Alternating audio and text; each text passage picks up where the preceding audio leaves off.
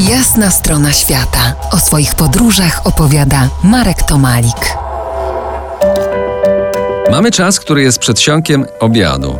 Może kombinujesz, co tu upichcić? Może coś podpowiem. Chcę opowiedzieć dziś o kilku przygodach kulinarnych, które trafiłem na swych ścieżkach. Podczas kolejnego pobytu pod kołem polarnym w niewielkim szwedzkim Arjeplog zostałem zaproszony na kolację przez Kurta, późniejszego pracodawcę i towarzysza moich wędkarskich eskapad w głąb norweskich fiordów. Na stół wjechały specjały palt, sporych rozmiarów kluski w kolorze brązu okraszone skwarkami boczku. Jako popychacz nieśmiertelny chleb chrupki Hausmann z plastrem żółtego sera i na popitkę równie wszędobylskie tam mleko. Mój niepokój zbudził kolor klusek. I na to tylko czekał gospodarz, żeby mnie pogrążyć. Dodał z przekąsem: Nie martw się, nie wszyscy Szwedzi to jedzą. Spróbowałem.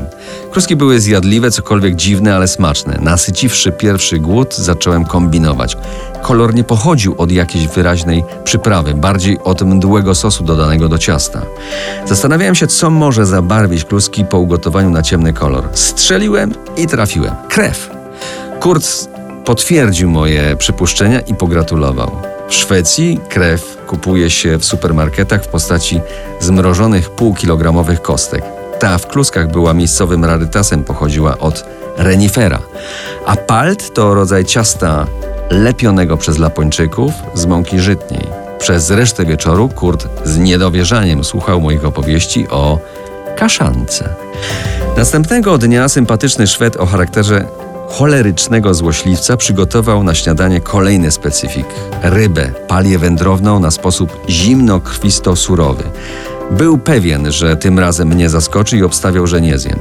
I nie pomyliłby się, gdyby nie moje doświadczenia z nadbajkału. O nich opowiem za kilkanaście minut. To jest jasna strona świata w RMS Classic.